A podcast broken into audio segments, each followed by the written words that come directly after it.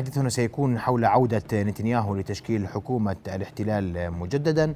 وأيضا سنتطرق إلى ملف ما يحدث من أزمة أو من عمليات إرهابية تحديدا في تركيا. وأرحب بضيوف الكرام في هذا المحور. دكتور عامر السبايري الخبير الاستراتيجي. دكتور عامر مساء الخير. مساء أهلا بك. أيضا أرحب بأستاذ العلوم السياسية في جامعة بير زيت معنا مباشرة من استديوهاتنا في رام الله. الدكتور عمر رحال. دكتور عمر مساء الخير. رؤيا بودكاست. مساء الخير أستاذ محمد يا مرحبا. أهلا بك. بك وبضيفك الكريم.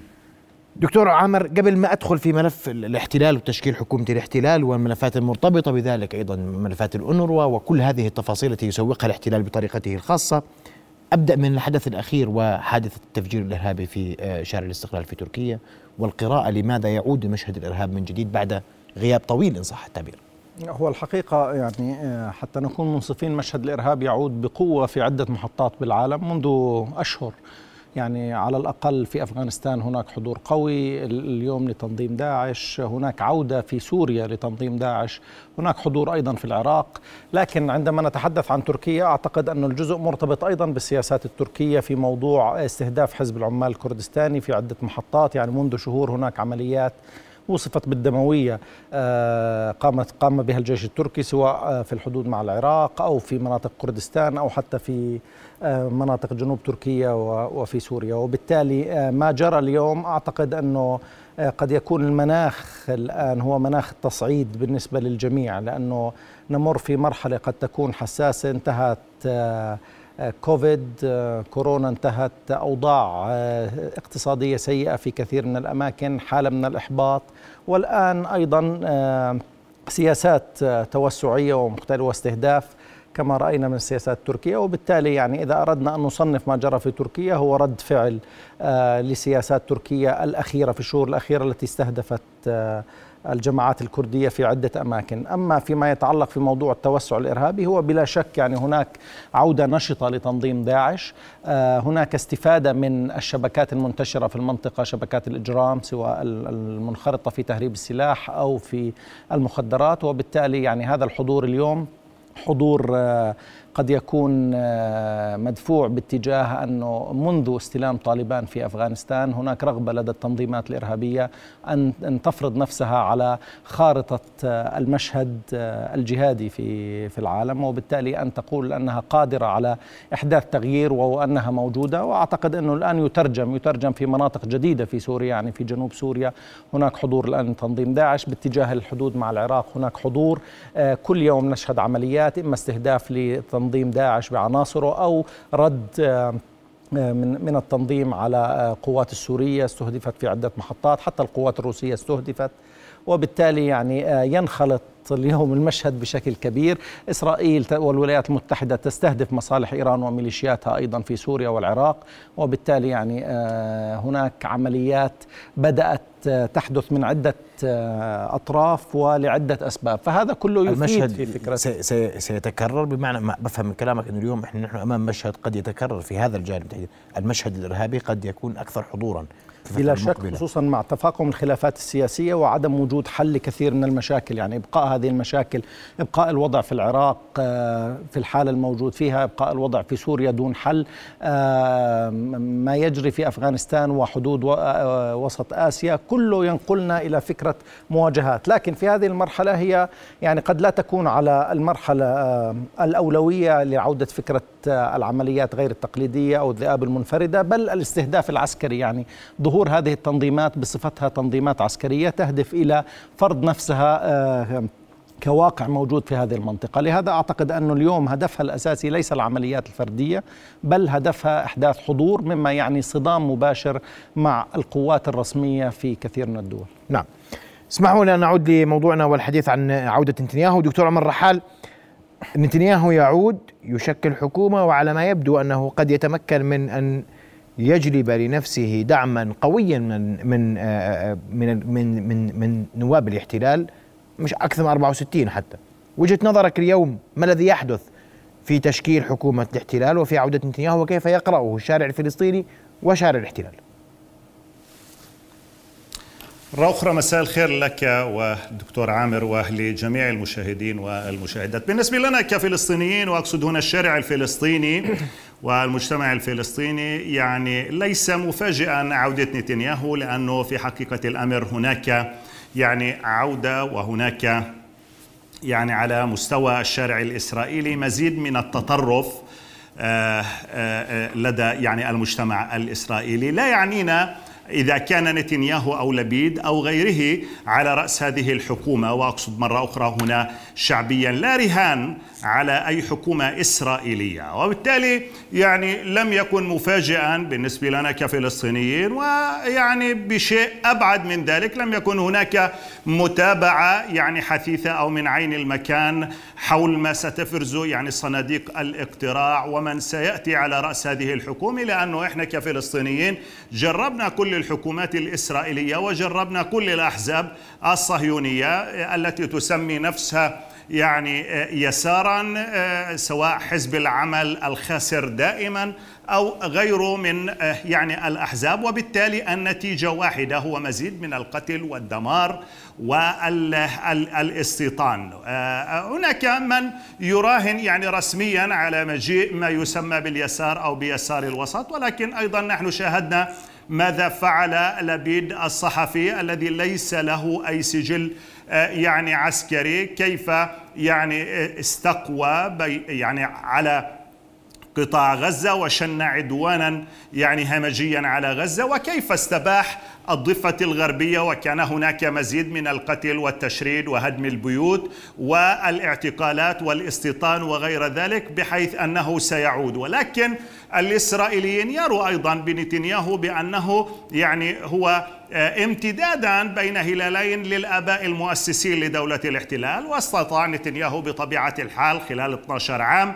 الغير متواصلة أن يأتي آه، يعني للإسرائيليين بي يعني بإنجازات آه، سواء كان التطبيع العربي أو موضوع ضم الجولان أو يعني صفقة القرن وغير ذلك عدم مفاوضات مع الفلسطينيين مزيد من الاستيطان القتل الاستباحة وإلى آخره. أضف إلى ذلك بأن أيضا نتنياهو يقف على رأس آه، يعني آه، حزبا صهيونيا توراتيا ومنطلقاته تلمودية يعني توراتية آه، وأقصد هنا حزب الليكود وبالتالي مرة أخرى لم يكن مفاجئا لنا كفلسطينيين نعم. ونحن مرة أخرى لا نراهن ولا نعول ولا ننتظر أي شيء جديد من أي حكومة إسرائيلية لأنه بالمناسبة يعني بالفكر السياسي الإسرائيلي لا يوجد هناك شيء يعني يقوم على أن يكون هناك شراكة أو إنهاء للصراع أو إقامة دولة فلسطينية. نعم. وكل الأحزاب الإسرائيلية باستثناء حزب العمل وفي مرة يعني على الهامش ذكر دولة فلسطينية. ولكن جميع الأحزاب الإسرائيلية يعني تنطلق وتؤكد وتشدد بطبيعة الحال بأنه لا يمكن أن يكون هناك دولة فلسطينية ولن يكون هناك إنهاء للصراع. بأحسن الأحوال يمكن أن يكون هناك يعني طيب. حكما ذاتيا مقيدا لأنه نحن طيب دكتور عمر سأبحث معك هذه التفاصيل لأن اليوم البعض يتحدث أن وجود نتنياهو اليوم على رأس الحكومة حكومة الاحتلال بعد غياب قد يدفع بالرجل للمزيد والمزيد من العنف وقراءات مختلفة. أسمع رأيك دكتور عامر بعودة نتنياهو إن صح التعبير بعد غياب قصير مش غياب طويل يعني. يعني هو تغييب أكثر من من غياب لأنه ما شهدناه هو محاولة لإقصاء نتنياهو أيضا عبر السياسة الأمريكية التي لم تكن ترغب يعني في وجود نتنياهو باعتبار أنه يعني ليس هناك كيمياء أو أنه آه، فعليا كان يميل إلى طرف آه، آه، الجمهوريين. لهذا أعتقد أنه عملية التغييب هذه لم تنجح لأنه كان في محاولة لصناعة حكومة. رأينا أن في النهاية ما يجري في إسرائيل هو انعكاس لواقع يتشكل في إسرائيل. إذا هو اليوم اليمين هذا الذي يعبر عن نفسه بهذه الطريقة ويعود بقوة برغم كل المحاولات. هذا يعني أننا أمام أدبيات آه، جديدة. هذه الأدبيات اليوم مبنية على فكرة التصعيد. فكرة سيادة اليمين وفكرة في النهاية أن ما يحقق نتنياهو فعليا هو في التقييم السياسي بالنسبة للناخب هو حقيقة واقعة ولا يمكن التخلي عنها. هذا ما يفسر كيفية عودته دائما عبر الصناديق وكيفية عودته عبر تحالفات. لهذا أعتقد أنه نحن أمام مشهد تصعيدي بامتياز إذا ما أردنا أن نتحدث عن الأوضاع في الضفة الغربية. آه، لكن آه، هو سيعود بلا شك إلى موروثه الذي تركه وهو فكرة تحايله على السلام مع الفلسطينيين عبر السلام مع العرب وتوسيع هذه الدائرة وبالتالي هو يسعى اليوم أن يقول أنه يحقق لإسرائيل ما لم يحققه أحد.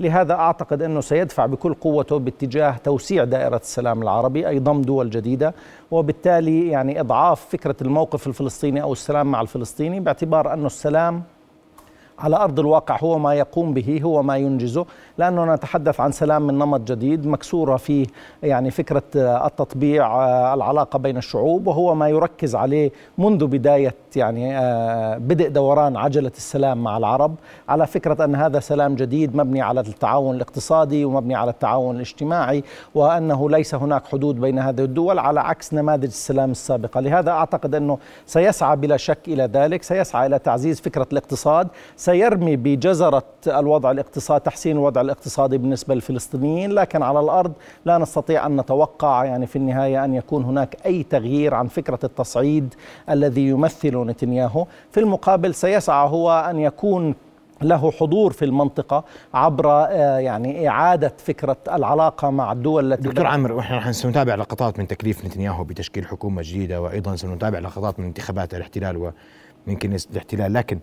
عندما يكلف نتنياهو بعد هذا الغياب والتغييب كما أسميته رغم كل الظروف التي حاول فيها كل المكون إبعاد نتنياهو عن المشهد يعود ويعود بقوة. هناك من يقول نتنياهو قد يتمكن من تحالف كبير جدا داخل الكنيست لا وهو وهو يضع حتى الوقت بطريقة يعني قد يتفق معي الدكتور عمر على موضوع أننا يعني ما نراه اليوم أن نتنياهو لا يمثل التيار المتشدد أو اليمين المتطرف بل هو في هذه المرحلة عبر تشكل تيارات أكثر تطرفا يتحول إلى فكرة بيضة القبان أنه عامل التوازن في فكرة اليمين وبالتالي يدفع بعد قليل ستدفع باتجاه الحفاظ على نتنياهو حتى لا تتعامل مع نماذج أكثر تطرفا من نتنياهو. باعتبار هذا النموذج اليميني قادر على احتواء يعني اليمين المتطرف وعدم تغوله وعدم تفرده في إدارة السياسات مما يعني يعني انظر إلى فكرة الأمن الداخلي اليوم في إسرائيل والحديث يعني عن من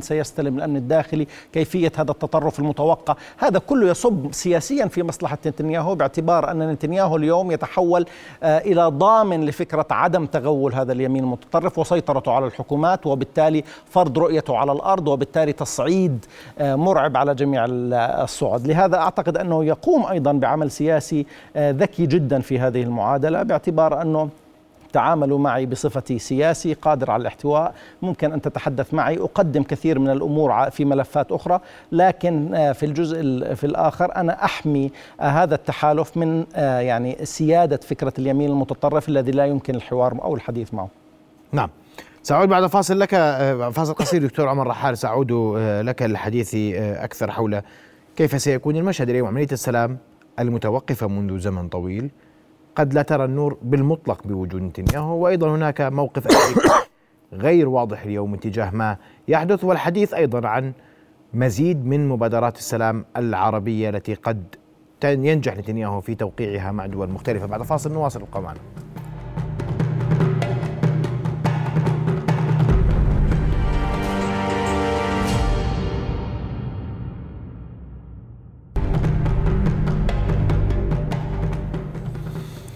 أهلا بكم مشاهدينا من جديد. أعود ضيفي من فلسطين الدكتور عمر رحال. دكتور عمر لا مستقبل للسلام. هذا أمر تحدثت أنت به آه، قبل قليل. ولكن الحديث أن مع نتنياهو قد لا يكون هناك عودة لأي شيء. السلطة اليوم في ضياع إن صح التعبير. لا تملك شيئا لا تملك اوراقا حتى تفاوض بها نتنياهو. ونتنياهو شخص لا يؤمن بالسلام. فإلى أين تتجه الأمور اليوم؟ يعني السؤال مركب وصعب.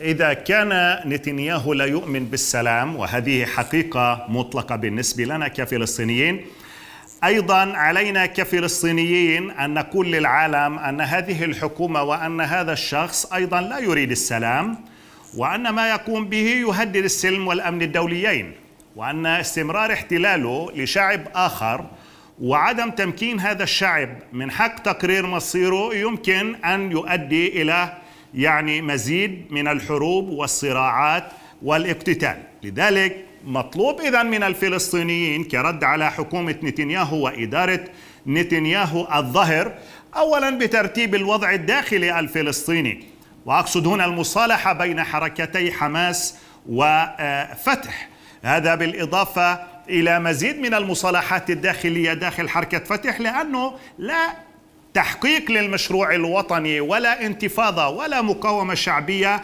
دون حركة فتح. والموضوع الآخر أيضا أن يكون هناك برنامج سياسي للفلسطينيين وأن يكون يعني برنامج إجماع وطني للفلسطينيين وأن يكون هناك شراكة سياسية دون إقصاء أحد. وأيضا على المستوى الدولي ملاحقة دولة الاحتلال في المحافل الدولية ويعني في الأمم المتحدة وأمام المحاكم الدولية وغيرها من يعني المسارات التي يمكن أن نستخدمها في مواجهة هذا الصلف الإسرائيلي والرواية الإسرائيلية. وبالتالي علينا أيضا ألا نبقى ننتظر أن يأتي يعني اسرائيليا آخر أو رئيس حكومة أخرى.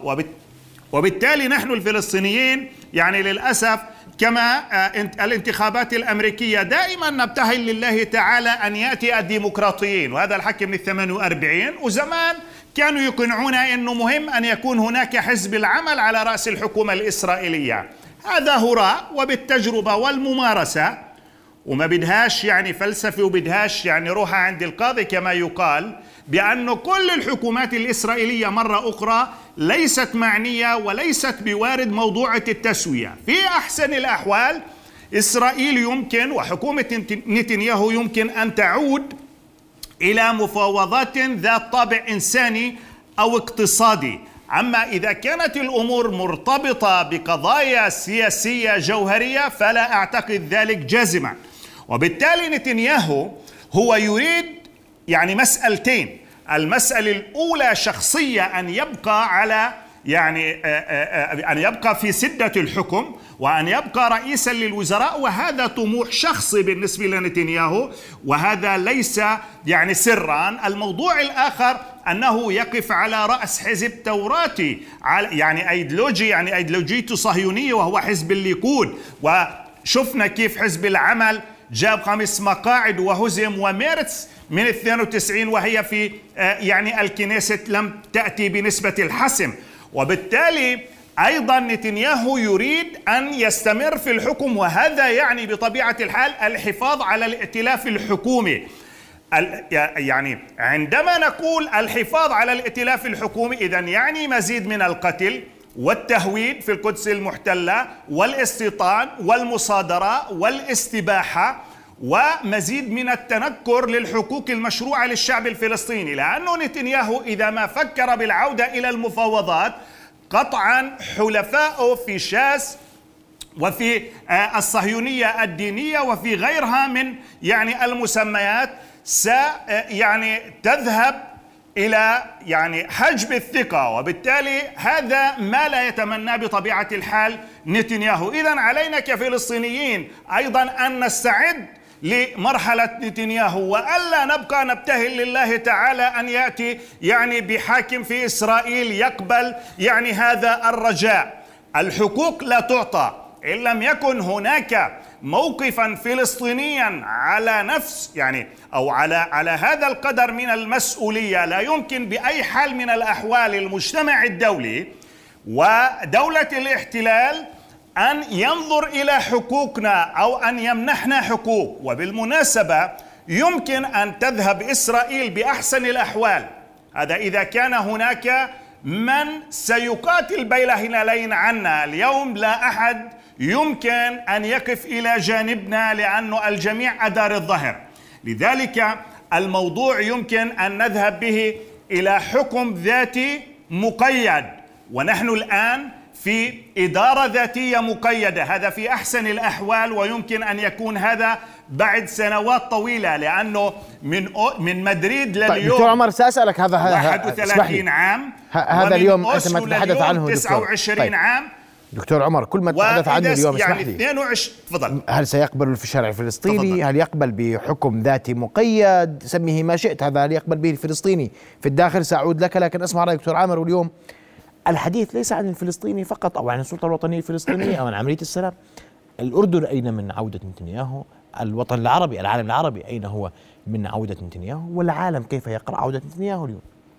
شوف اولا إذا ما تحدثنا بالعالم يعني عودة نتنياهو هي جزء من آه، ما يجري في العالم. يعني عودة اليمين بقوة في في كافة الدول هو آه، تحول طبيعي لنتاج للسياسة الدولية. يعني ننتقل من العولمة إلى فكرة الدولة الوطنية يعني أو التيارات اليمينية من فكرة الانفتاح إلى الانغلاق يعني هذا هذا يجري اليوم في العالم بصورة واضحة فبالتالي ما يجري آه، في العالم يجري في إسرائيل. فلا نستطيع أن نعتبر أن ما أن نتنياهو حالة شاذة أو أنه استطاع لا هو بالعكس يركن أيضا إلى هذا التحول وبالتالي لا تتوقع كثيرا من العالم في حال يعني آه، تغير في السياسات. العالم اليوم سيكون مشغول بنفسه.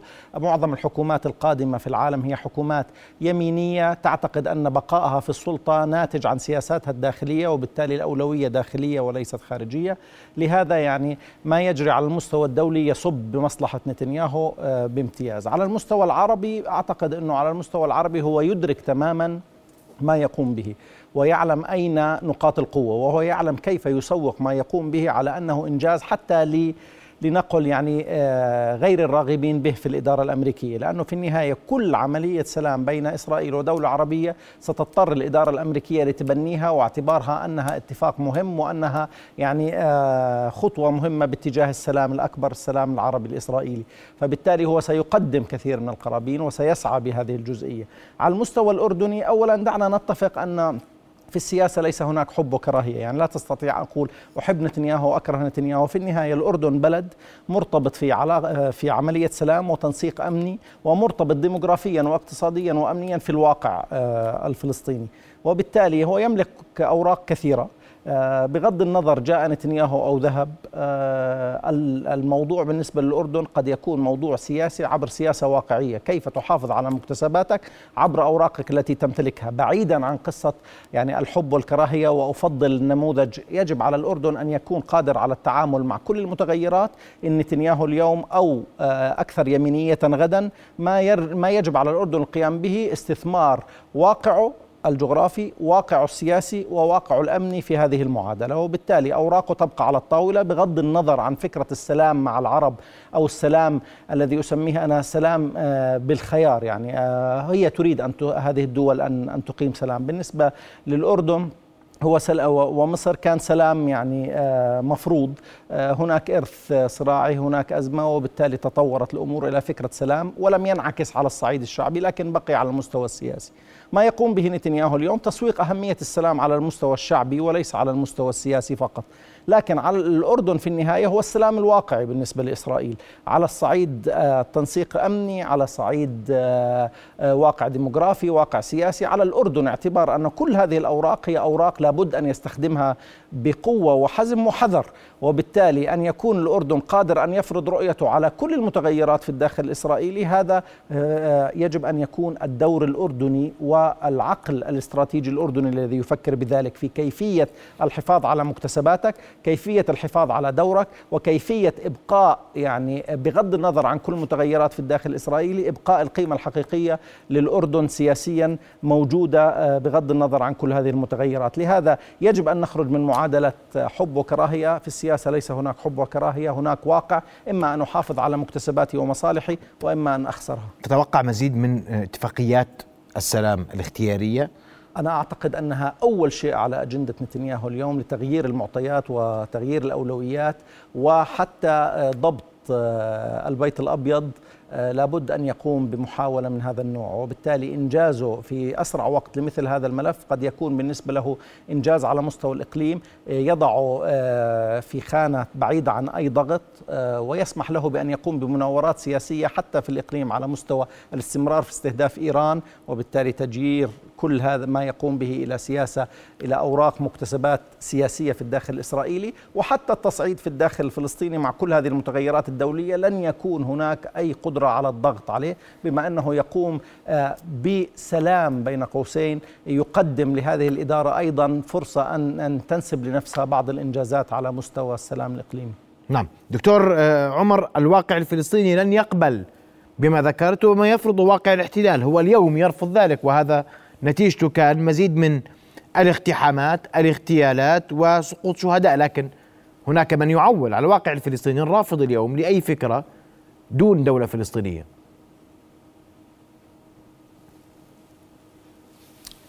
يعني آه، آه، مرة أخرى يعني شعبيا آه، الأمر محسوم.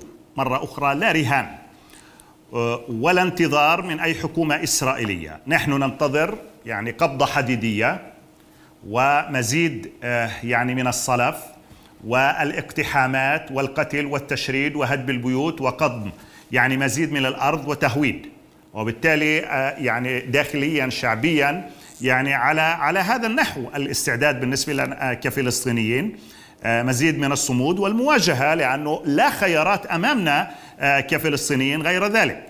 آه، أيضا أنا لا أعتقد جازما بأنه أيضا المستوى الرسمي الفلسطيني بشكل أو بآخر لأنه يعني جرب نتنياهو إلا إذا يعني كما يقال يجب أن لا يلدغ المؤمن من الجحر مرتين بس إحنا تاريخيا حاطين إيدنا بهالجحر ومن كلها يلدغ لها الحيه وبالتالي لا استخلاص عبر.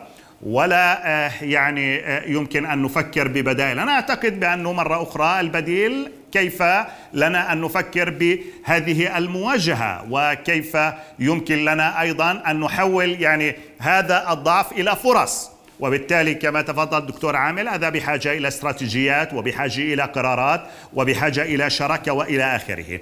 يعني البعض ونحن يعني ذهبنا في أعتقد 2012 لشيء اسمه المفاوضات الاستكشافية. أنا بتواضع يعني لم أقرأ عن شيء اسمه المفاوضات الاستكشافية إلا عندما كان كيري وزير خارجية الولايات المتحدة الأمريكية وذهبنا إلى مفاوضات آه، يعني آه، آه، استكشافية. مرة أخرى الرهان خسر. أي فلسطيني رسميا أو شعبيا يراهن على نتنياهو هذه حكومة مستوطنين. يعني بن غفير يسكن في مستوطنة في الضفة الغربية في قلب الخليل المحتلة. وبالتالي في العلم وفي القانون الدولي الاستيطان هو جريمة حرب مستمرة. كيف لنا كفلسطينيين أن نقبل المفاوضات؟ واليوم ابن غفير يعني كمان طرح واشترط أن يكون على جدول أعمال الحكومة الإسرائيلية ما ما ما يسمى ب يعني مشروع آه، قانون إعدام الأسرى الفلسطينيين.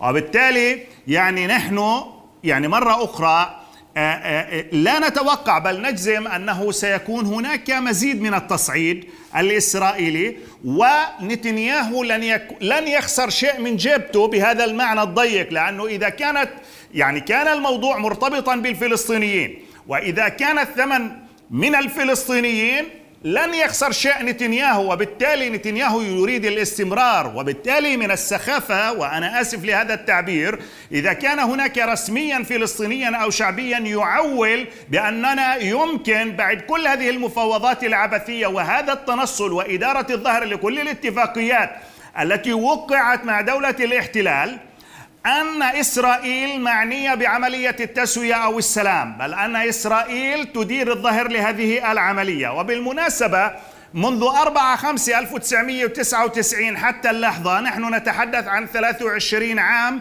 لإنهاء المرحلة الانتقالية اللي كان يفترض تكون خمس سنوات.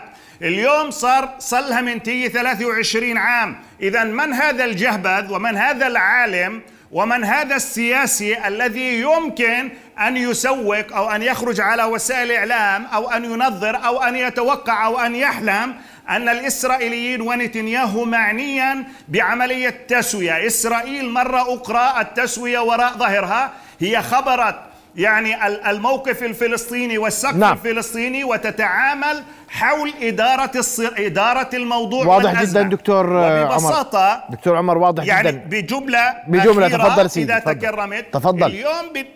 يعني اليوم السلطة هي مصلحة إسرائيلية ولا أقول بأنه لا سمح الله السلطة سيئين أو أنه إحنا عملاء للإسرائيليين لا السلطة مصلحة إسرائيلية من أجل ألا تتحول السلطة إلى دولة فلسطينية مستقلة. هذا واحد. وثانيا من أجل أن تقول إسرائيل للمجتمع الدولي أن هناك من هو مسؤول عن الفلسطينيين نعم. وأيضا من أجل أن تقول إسرائيل للعالم بأنها غير مسؤولة استنادا للقانون الدولي لا سيما واضح جدا.